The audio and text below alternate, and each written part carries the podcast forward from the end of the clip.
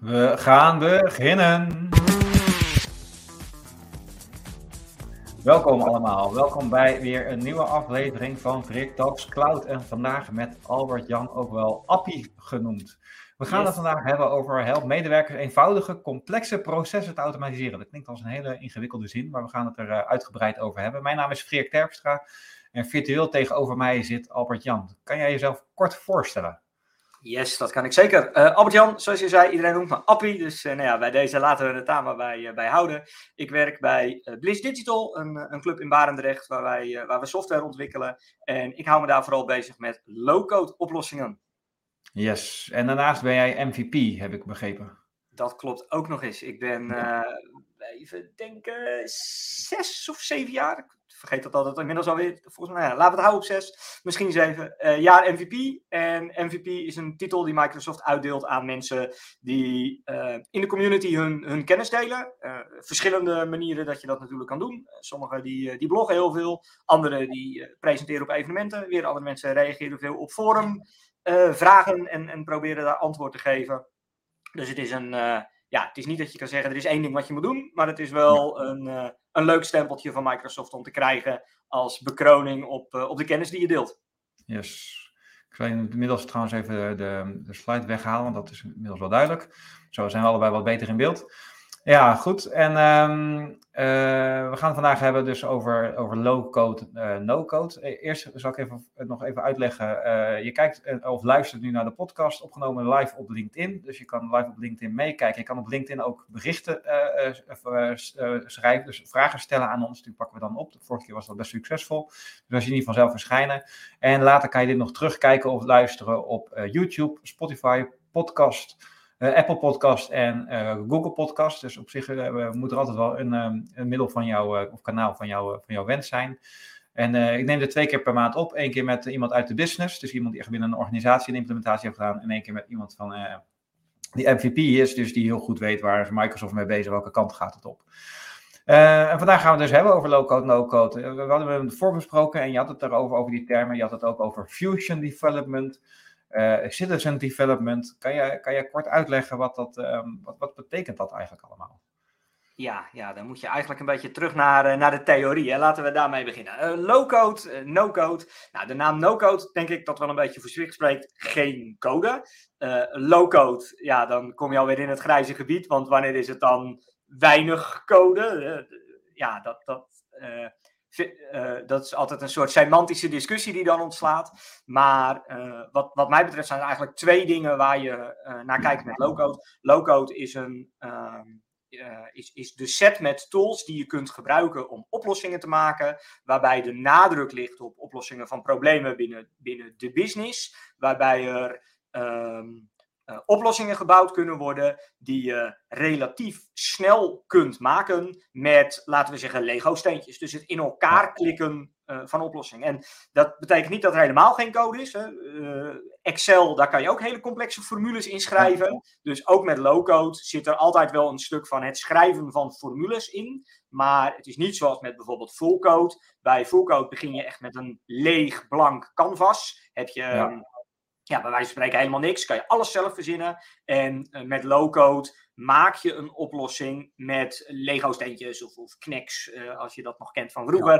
Uh, waarbij je eigenlijk verschillende dingen aan elkaar knoopt. En je in die zin gelimiteerd bent door de kaders die een low-code platform voor jou schept. Maar het voordeel daarvan is dat je veel sneller een oplossing kunt realiseren. Dus ja, dat is wat mij betreft de low-code variant. En ja dan de tweede stap die je zegt, ja, citizen developers, wat is dat dan eigenlijk? Wat, uh, ja, soms worden ze ook wel makers genoemd. Uh, ja. Volgens mij zou je kunnen zeggen dat zijn mensen die wel affiniteit hebben met uh, eh, IT, maar die vooral geen developer zijn. En ja, soms zijn dat mensen die handig zijn met Excel, soms zijn dat mensen die handig zijn met uh, PowerPoint. En in het geval van low-code, dan zijn dat mensen die handig zijn met de low-code tooling die je in je organisatie instelt.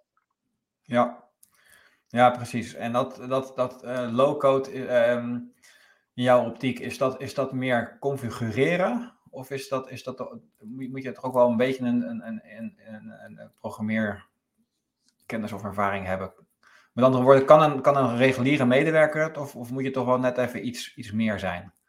Wat mij betreft kan een reguliere medewerker het. En wij maken eigenlijk altijd de grap dat uh, je vooral wel common sense moet hebben. Dus je moet wel een beetje logisch kunnen nadenken. Hè? Ja.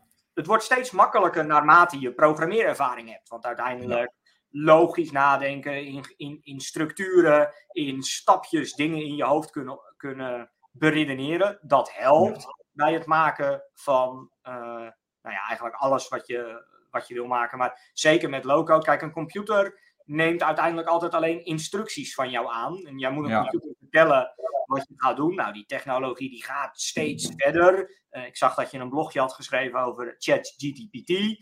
Uh, ja. Daar kan je eigenlijk al heel... Dat heb ik niet zelf geschreven, hè? dat heeft ChatGPT zelf gedaan voor mij. Juist, dus ja, dan zeg je eigenlijk al schrijf een blogje. Maar daar zie je wel dat het resultaat beter wordt als jij duidelijkere instructies geeft. Want als je zegt schrijf een blogje, komt er niet zo heel veel uit. Maar als je uitlegt, ik wil een blog over een bepaald onderwerp voor een bepaalde doelgroep van een aantal woorden, ja.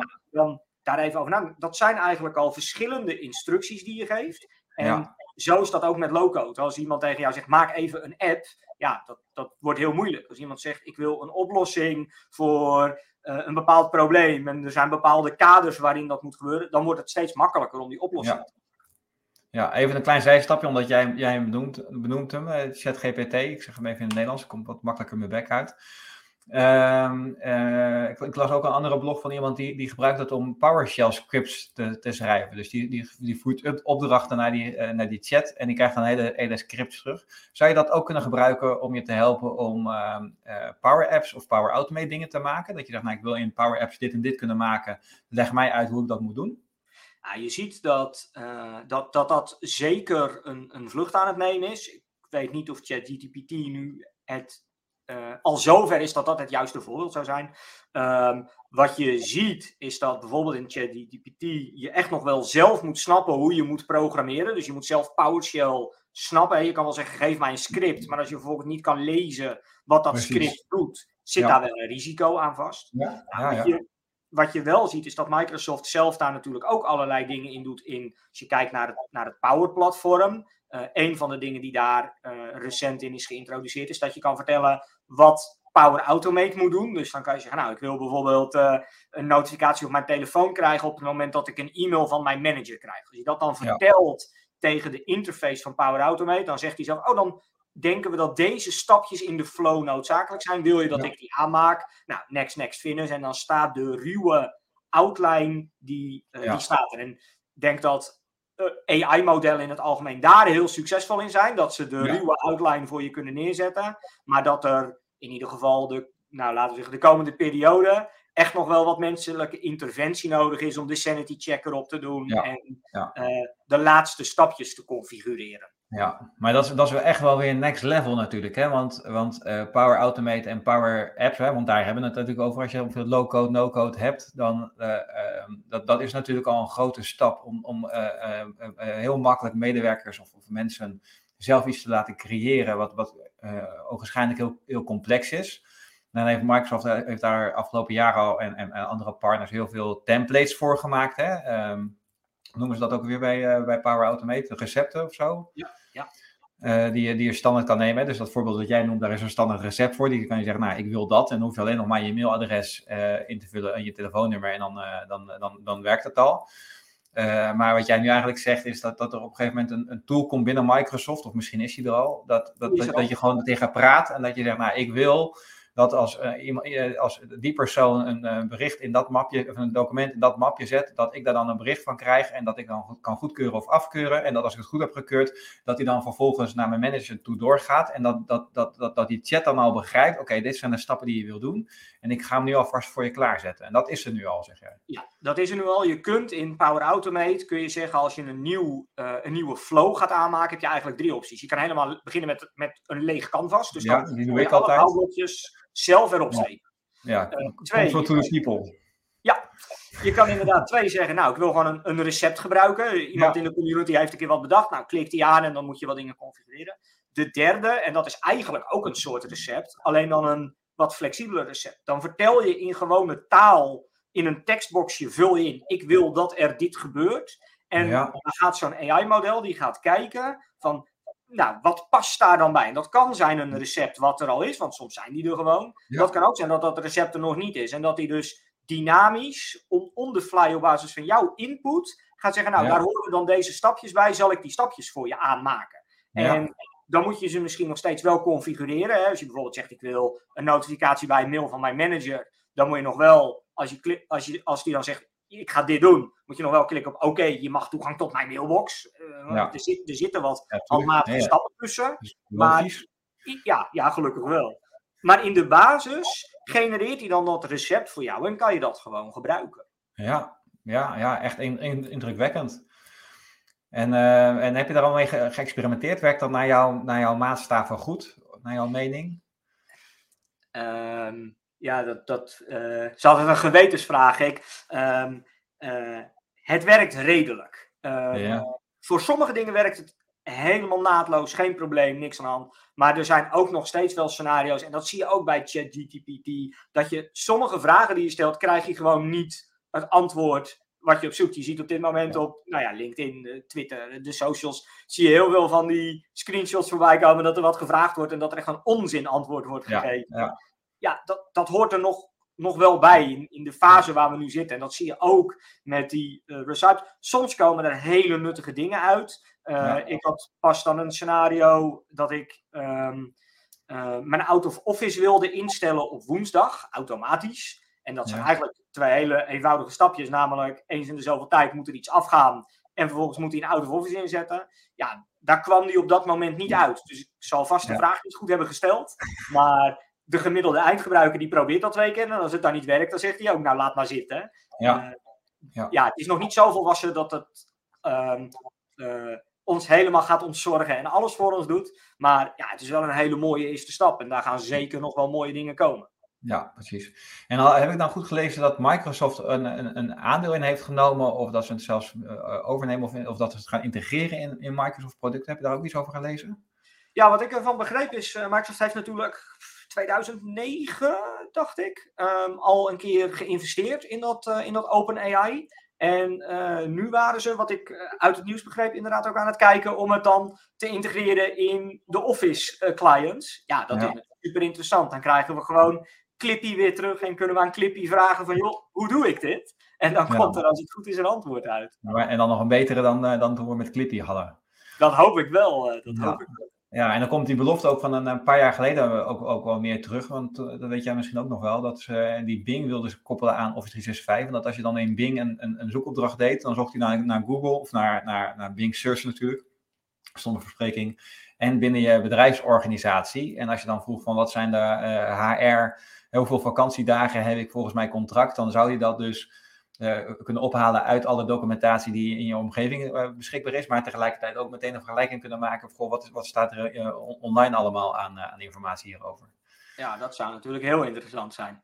Ja, dus als je, dat, als je dan ChatGPT eroverheen zet, Goed, maar we gaan, uh, we gaan een beetje alle kanten op. Maar, uh, maar wel, wel een hele interessante, interessante ontwikkeling. Want, want dat, dat, dat versnelt natuurlijk die citizen development. Die, dit, dit, soort AI-toepassingen. Als dat, als dat de komende jaren nog, nog verder, verder ontwikkeld wordt en, en, en dieper in die omgeving heen gaat. Zie je nog andere, andere trends rondom citizen development en, en, en low-code, no-code?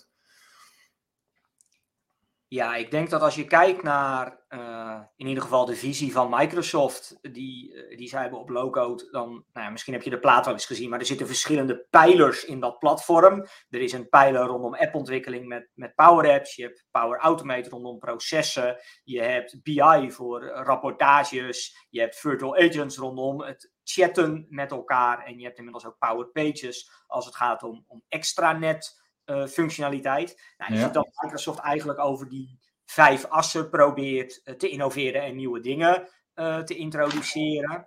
Um, als, zoals ik het zie, zijn ze in ieder geval nu veel bezig met het meer enterprise-ready krijgen of stappen te maken in enterprise readiness van het hele Power Platform. Uh, ja. Er zitten al heel veel tools in, je kunt er al heel veel mee. Maar zeker in grote enterprises is best wel wat behoefte aan meer controle rondom governance. Uh, nou, daar zie je dat, dat allerlei ontwikkelingen de laatste periode daarmee worden gedaan.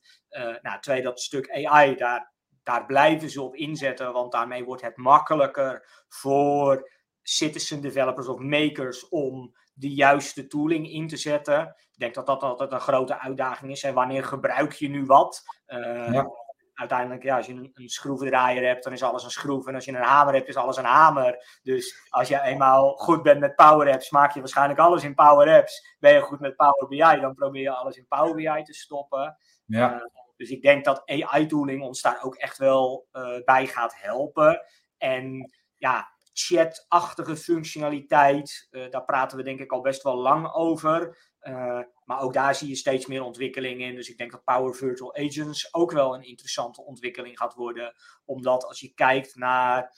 Um, nou ja, eh, wie werkt er allemaal in het werkveld? Er zijn steeds meer verschillende generaties tegelijk bezig. Um, video is, is voor een jongere generatie uh, veel belangrijker dan een, een, een, oudere generatie. En ik denk dat ja. uh, ook chatbot-functionaliteit daarmee steeds interessanter gaat worden.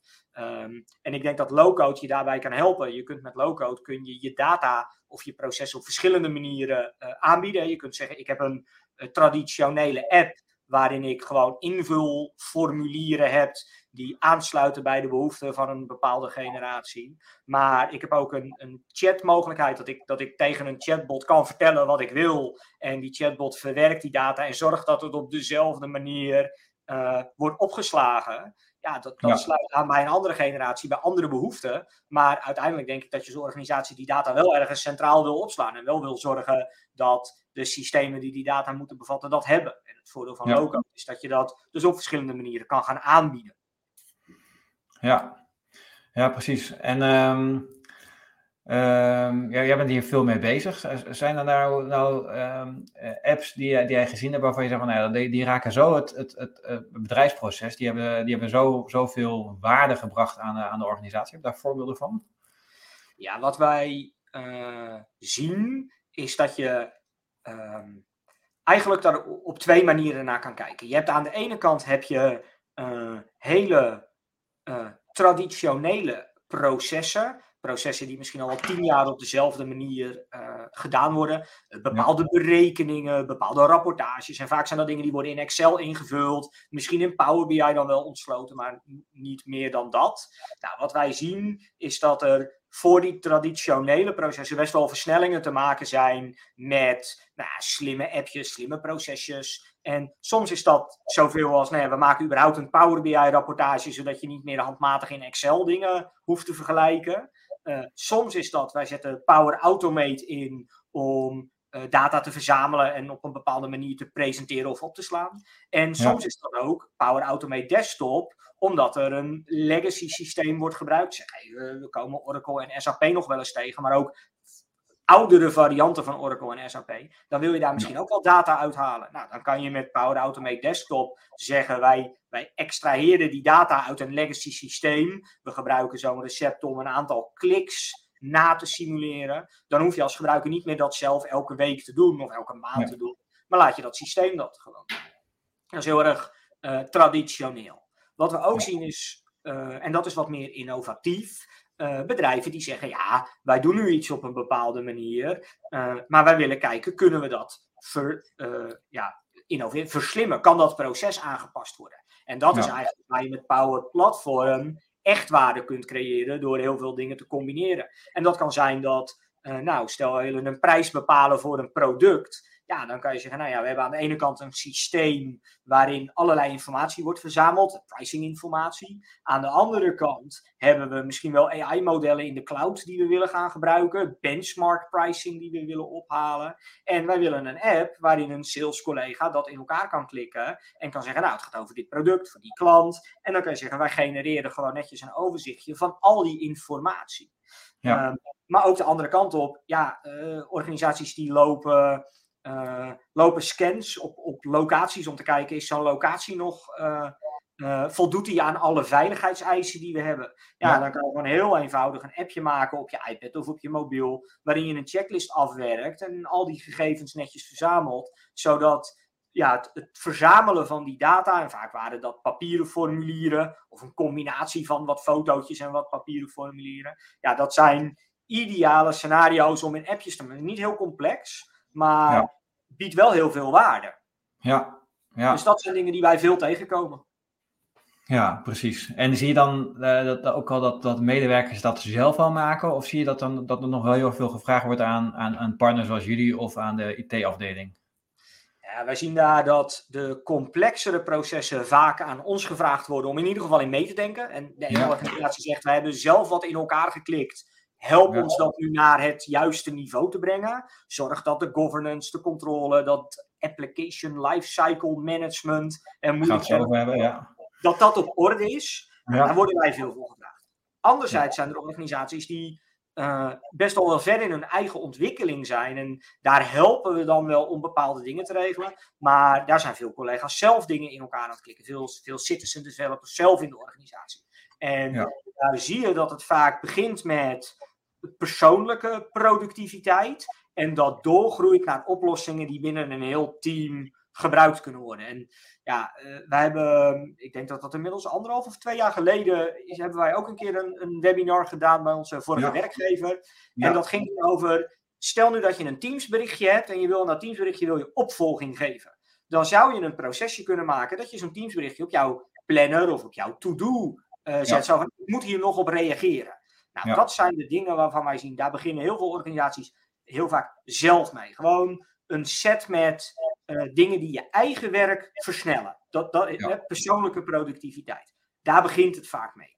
Maar zodra je dat doet en je daarover nadenkt, zie je heel snel ook dingen die je in je eigen team met meerdere collega's op die manier zou kunnen versnellen en ja. slimmer zou kunnen inrichten.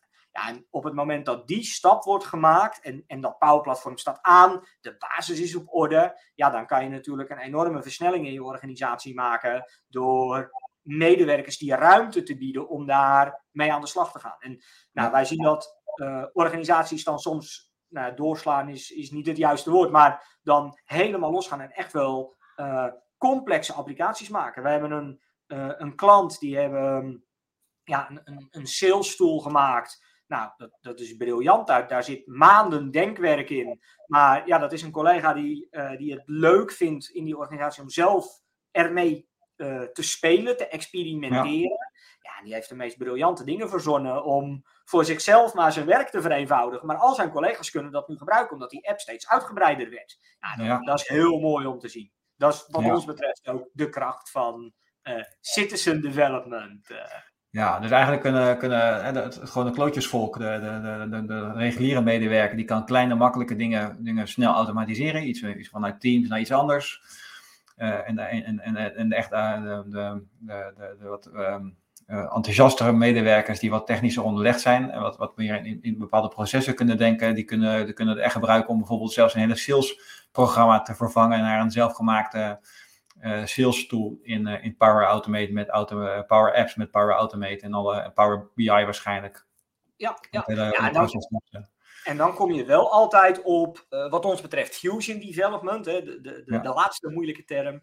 Maar dat is wel het moment dat je ook wel een professionele ontwikkelaar of een IT-pro-rol erbij wil gaan betrekken. Want het laatste wat je wil, is dat je een hele briljante tool hebt bedacht. Maar ja, dat dat eigenlijk dan ook weer een soort oplossing wordt die niet beheerd wordt. Waar je over drie jaar van denkt, nu zit al die data erin. Hadden we dat maar nooit gedaan. Dus ja, er is een, een ja, in, in de adoptieboog is er wel een moment dat je als organisatie ook moet kijken: willen we dit met het Power Platform oplossen? Of willen we dit met low-code oplossen? Of zoeken we dan toch wel weer een combinatie met full-code oplossingen of full-code uh, beheer op zo'n uh, op zo'n oplossing? Ja, precies. Ja, eh, dus, dus, dan, dan, dan, dus de complexere zaken kan je, kan je zelf, zelf inrichten en opzetten. Maar het is dan wel goed om het nog even te laten controleren door een, eh, door een expert. Die natuurlijk dan wel heel goed die, die kennis en inhoud moet kennen van. En die moet, moet het zelf echt heel goed kunnen uitvoeren. Waar we het net al eerder over hadden. Met, uh, om dat advies te moeten geven, moet je natuurlijk van de hoed en de rand weten. Ja. En dan, dan, kom je, dan kom je daarna, wat je eigenlijk ook zegt, op, op, op het beheer en de governance. Ik zie daar ook nog heel veel organisaties mee worstelen. Van ja, iedereen gaat dit nu maken hoe hou je grip op wat iedereen maakt? Hoe, hoe help jij organisaties daarbij in de laatste vijf, zes minuten die we nog hebben? Je ziet dat Microsoft daar een aantal tools voor heeft. Microsoft, dat noemen ze de Center of Excellence Starter Kit. Die kun je installeren. Je hebt een landing zone blueprint. Nou, allerlei moeilijke termen. Het komt er eigenlijk op neer, uh, de landing zone is de basisinrichting. Dus als organisatie moet je zorgen dat de basisinrichting op orde is. En dan moet je dus denken aan, mag iedereen alles? Of willen we juist dat bepaalde dingen niet mogen? Iets wat wij veel tegenkomen, is dat organisaties wel zeggen, nou, alles wat in Microsoft 365 zit, dat mag je gebruiken. Maar we willen niet dat je dat combineert met bijvoorbeeld uh, Twitter-koppelingen. Dus hè, het laatste wat je wil is dat iemand elke keer als er een sales deal is, een Twitter-berichtje stuurt met: Nou, we hebben een nieuwe klant. Hè, dat, dat, dat, wil je misschien wel door de marketingafdeling laten doen, maar niet door alle collega's. Dus je moet nadenken over wie mag wat. Nou, dat kun je in zo'n landing zone kun je dat vastleggen, verankeren. Kun je zorgen dat niet zomaar alles mag. En twee, uh, de Center of Excellence. Dat is een wat bredere, uh, bredere tool. Daar zitten ook allerlei processen in om te kijken uh, wie gebruikt wat. Wanneer wordt wat gebruikt. ga je nadenken over adoptie. Hè? Willen we een adoptiestrategie toepassen? Nou, dat, ja, ik ben een techneut, dan denk ik altijd, ja, adoptie, is dat nou nodig? Maar uh, Frederik, ik heb inmiddels van jou wel geleerd dat adoptie toch best wel belangrijk is. Dus ja, daar zul je wat mee moeten. En dat komt ook meer tot zijn recht in die Center of Excellence Starter Kit, waar je allerlei rapportages en tools krijgt om inzicht te krijgen in wat er wordt gebruikt. Waarin je dan kunt nadenken over, nou ja, als we dan een goed idee hebben, hoe komen we nou van een idee wat leeft in de organisatie tot een daadwerkelijke oplossing die ook nog eens beheerd kan worden. En dat hele proces, daar heeft Microsoft een aanzet voor gemaakt. Daar krijg je wat technische tools voor die je kunt gebruiken. Maar wat wij wel zien is dat veel organisaties daar ook een, ehm, een, een, eigen sausje overheen willen gooien. Want dat moet wel passen bij je organisatie. En wat Microsoft heeft bedacht is een, een mooie aanzet. Uh, je kunt er heel veel mee. Maar ja, niet elke organisatie heeft zo'n zwaar proces nodig. Uh, wij komen bij MKB-organisaties waar ze zeggen, nou ja, een lijst met ideeën, dat vinden we al heel wat. Dus laten we beginnen met het bijhouden van een lijst met ideeën. En we komen ook bij organisaties die zeggen, ja, maar we hebben een board die neemt beslissingen over die ideeën. Er is een low-code team wat die ideeën oppakt op basis van het aantal stemmen wat er zijn. Uh, we komen bij organisaties die zeggen, wij runnen interne hackathons om te kijken, kunnen we dan in vier uur zo'n idee met low-code een stap verder brengen? Ja. ja, heel divers eigenlijk. Ja. En, uh, en die twee, twee tools van Microsoft die je, die je net benoemde, gaat dat dan alleen over, over het low-code platform, dus over het Power Platform, of gaat dat, gaat dat breder dan dat, die landing zone en die, uh, dat center? Uh, nou, de landing zone, dat is echt puur een, een low-code, ehm, ja, vergelijk het met, een, met een, een set met instellingen die worden toegepast op je omgeving. Dus dat, dat is niets anders dan een, uh, ja, een, een, vaste set met instellingen. Je kunt wel wat kiezen, maar dat wordt toegepast. Dus dat is alleen low-code. Dat doet ook dingen in Azure, omdat low-code uiteindelijk ook leeft in Microsoft 365 en Azure, maar richt zich echt alleen op, uh, op low-code. Dat Center of Excellence, daar komt opeens ook wel een stukje bijvoorbeeld Teams in, in kijken, omdat een aantal van die tools in teams ontsloten worden, omdat dat een logische plek is om dat te ontsluiten. Daar komt ook een klein stukje SharePoint bij kijken. Er zitten wat SharePoint dingetjes achter. Ehm, kijk, het, uh, het, het gros richt zich op het Power Platform, maar het Power Platform is uiteindelijk gewoon een integraal onderdeel van de Microsoft Cloud propositie. En in die Cloud propositie zit een stuk Azure, er zit een stuk Teams, zit een stuk Dynamics. En je kunt het allemaal prima gebruiken als je geen Dynamics gebruikt. Maar als je geen teams gebruikt, ja, dan, dan wordt het wel karig. Wordt het wel wat karig, omdat er gewoon veel dingen daarin worden ontsloten. Ja, ja precies. Ja, duidelijk. Eh, we zijn, eh, we zijn aan het eind. Het is 10 uur 29. Uh, dus we kunnen gaan, gaan afronden. Het is uh, weer mooi binnen de tijd. Ik wil jou ontzettend bedanken voor, uh, voor het gesprek. We, zijn, we hebben veel besproken. Dus van, van wat, wat, wat is het MVP-schap voor jou? Wat is uh, low-code, no-code, citizen development, fusion development? Uh, we hebben het eigenlijk al gehad over de trends door ChatGPT en, en de andere trends die jij, die jij ziet, ziet ontstaan. En, en als laatste, dus wat, wat, moet je doen als organisatie om er wat grip over te houden? En, en wat biedt Microsoft daarin? Nou, dat is natuurlijk op elk onderwerp is daar nog uren over door te praten. Dus mocht je nou hier diepgaandere vragen over hebben, dan neem ik aan dat ze jou wel mogen benaderen, Albert-Jan. Altijd, altijd. Dus, nou, dan, je mag eh, jou mag ook wel benaderen, toch? je mogen mij ook benaderen. Alleen al wil je echt de diepte in, dan, eh, dan zou ik je adviseren om naar, eh, naar Albert Jan te gaan. Dan, dan wil ik hierbij afsluiten. Dankjewel voor het kijken, het luisteren. En Albert Jan, ja, bedankt voor, voor het mooie gesprek. En tot de volgende. Top, tot de volgende. Hoi.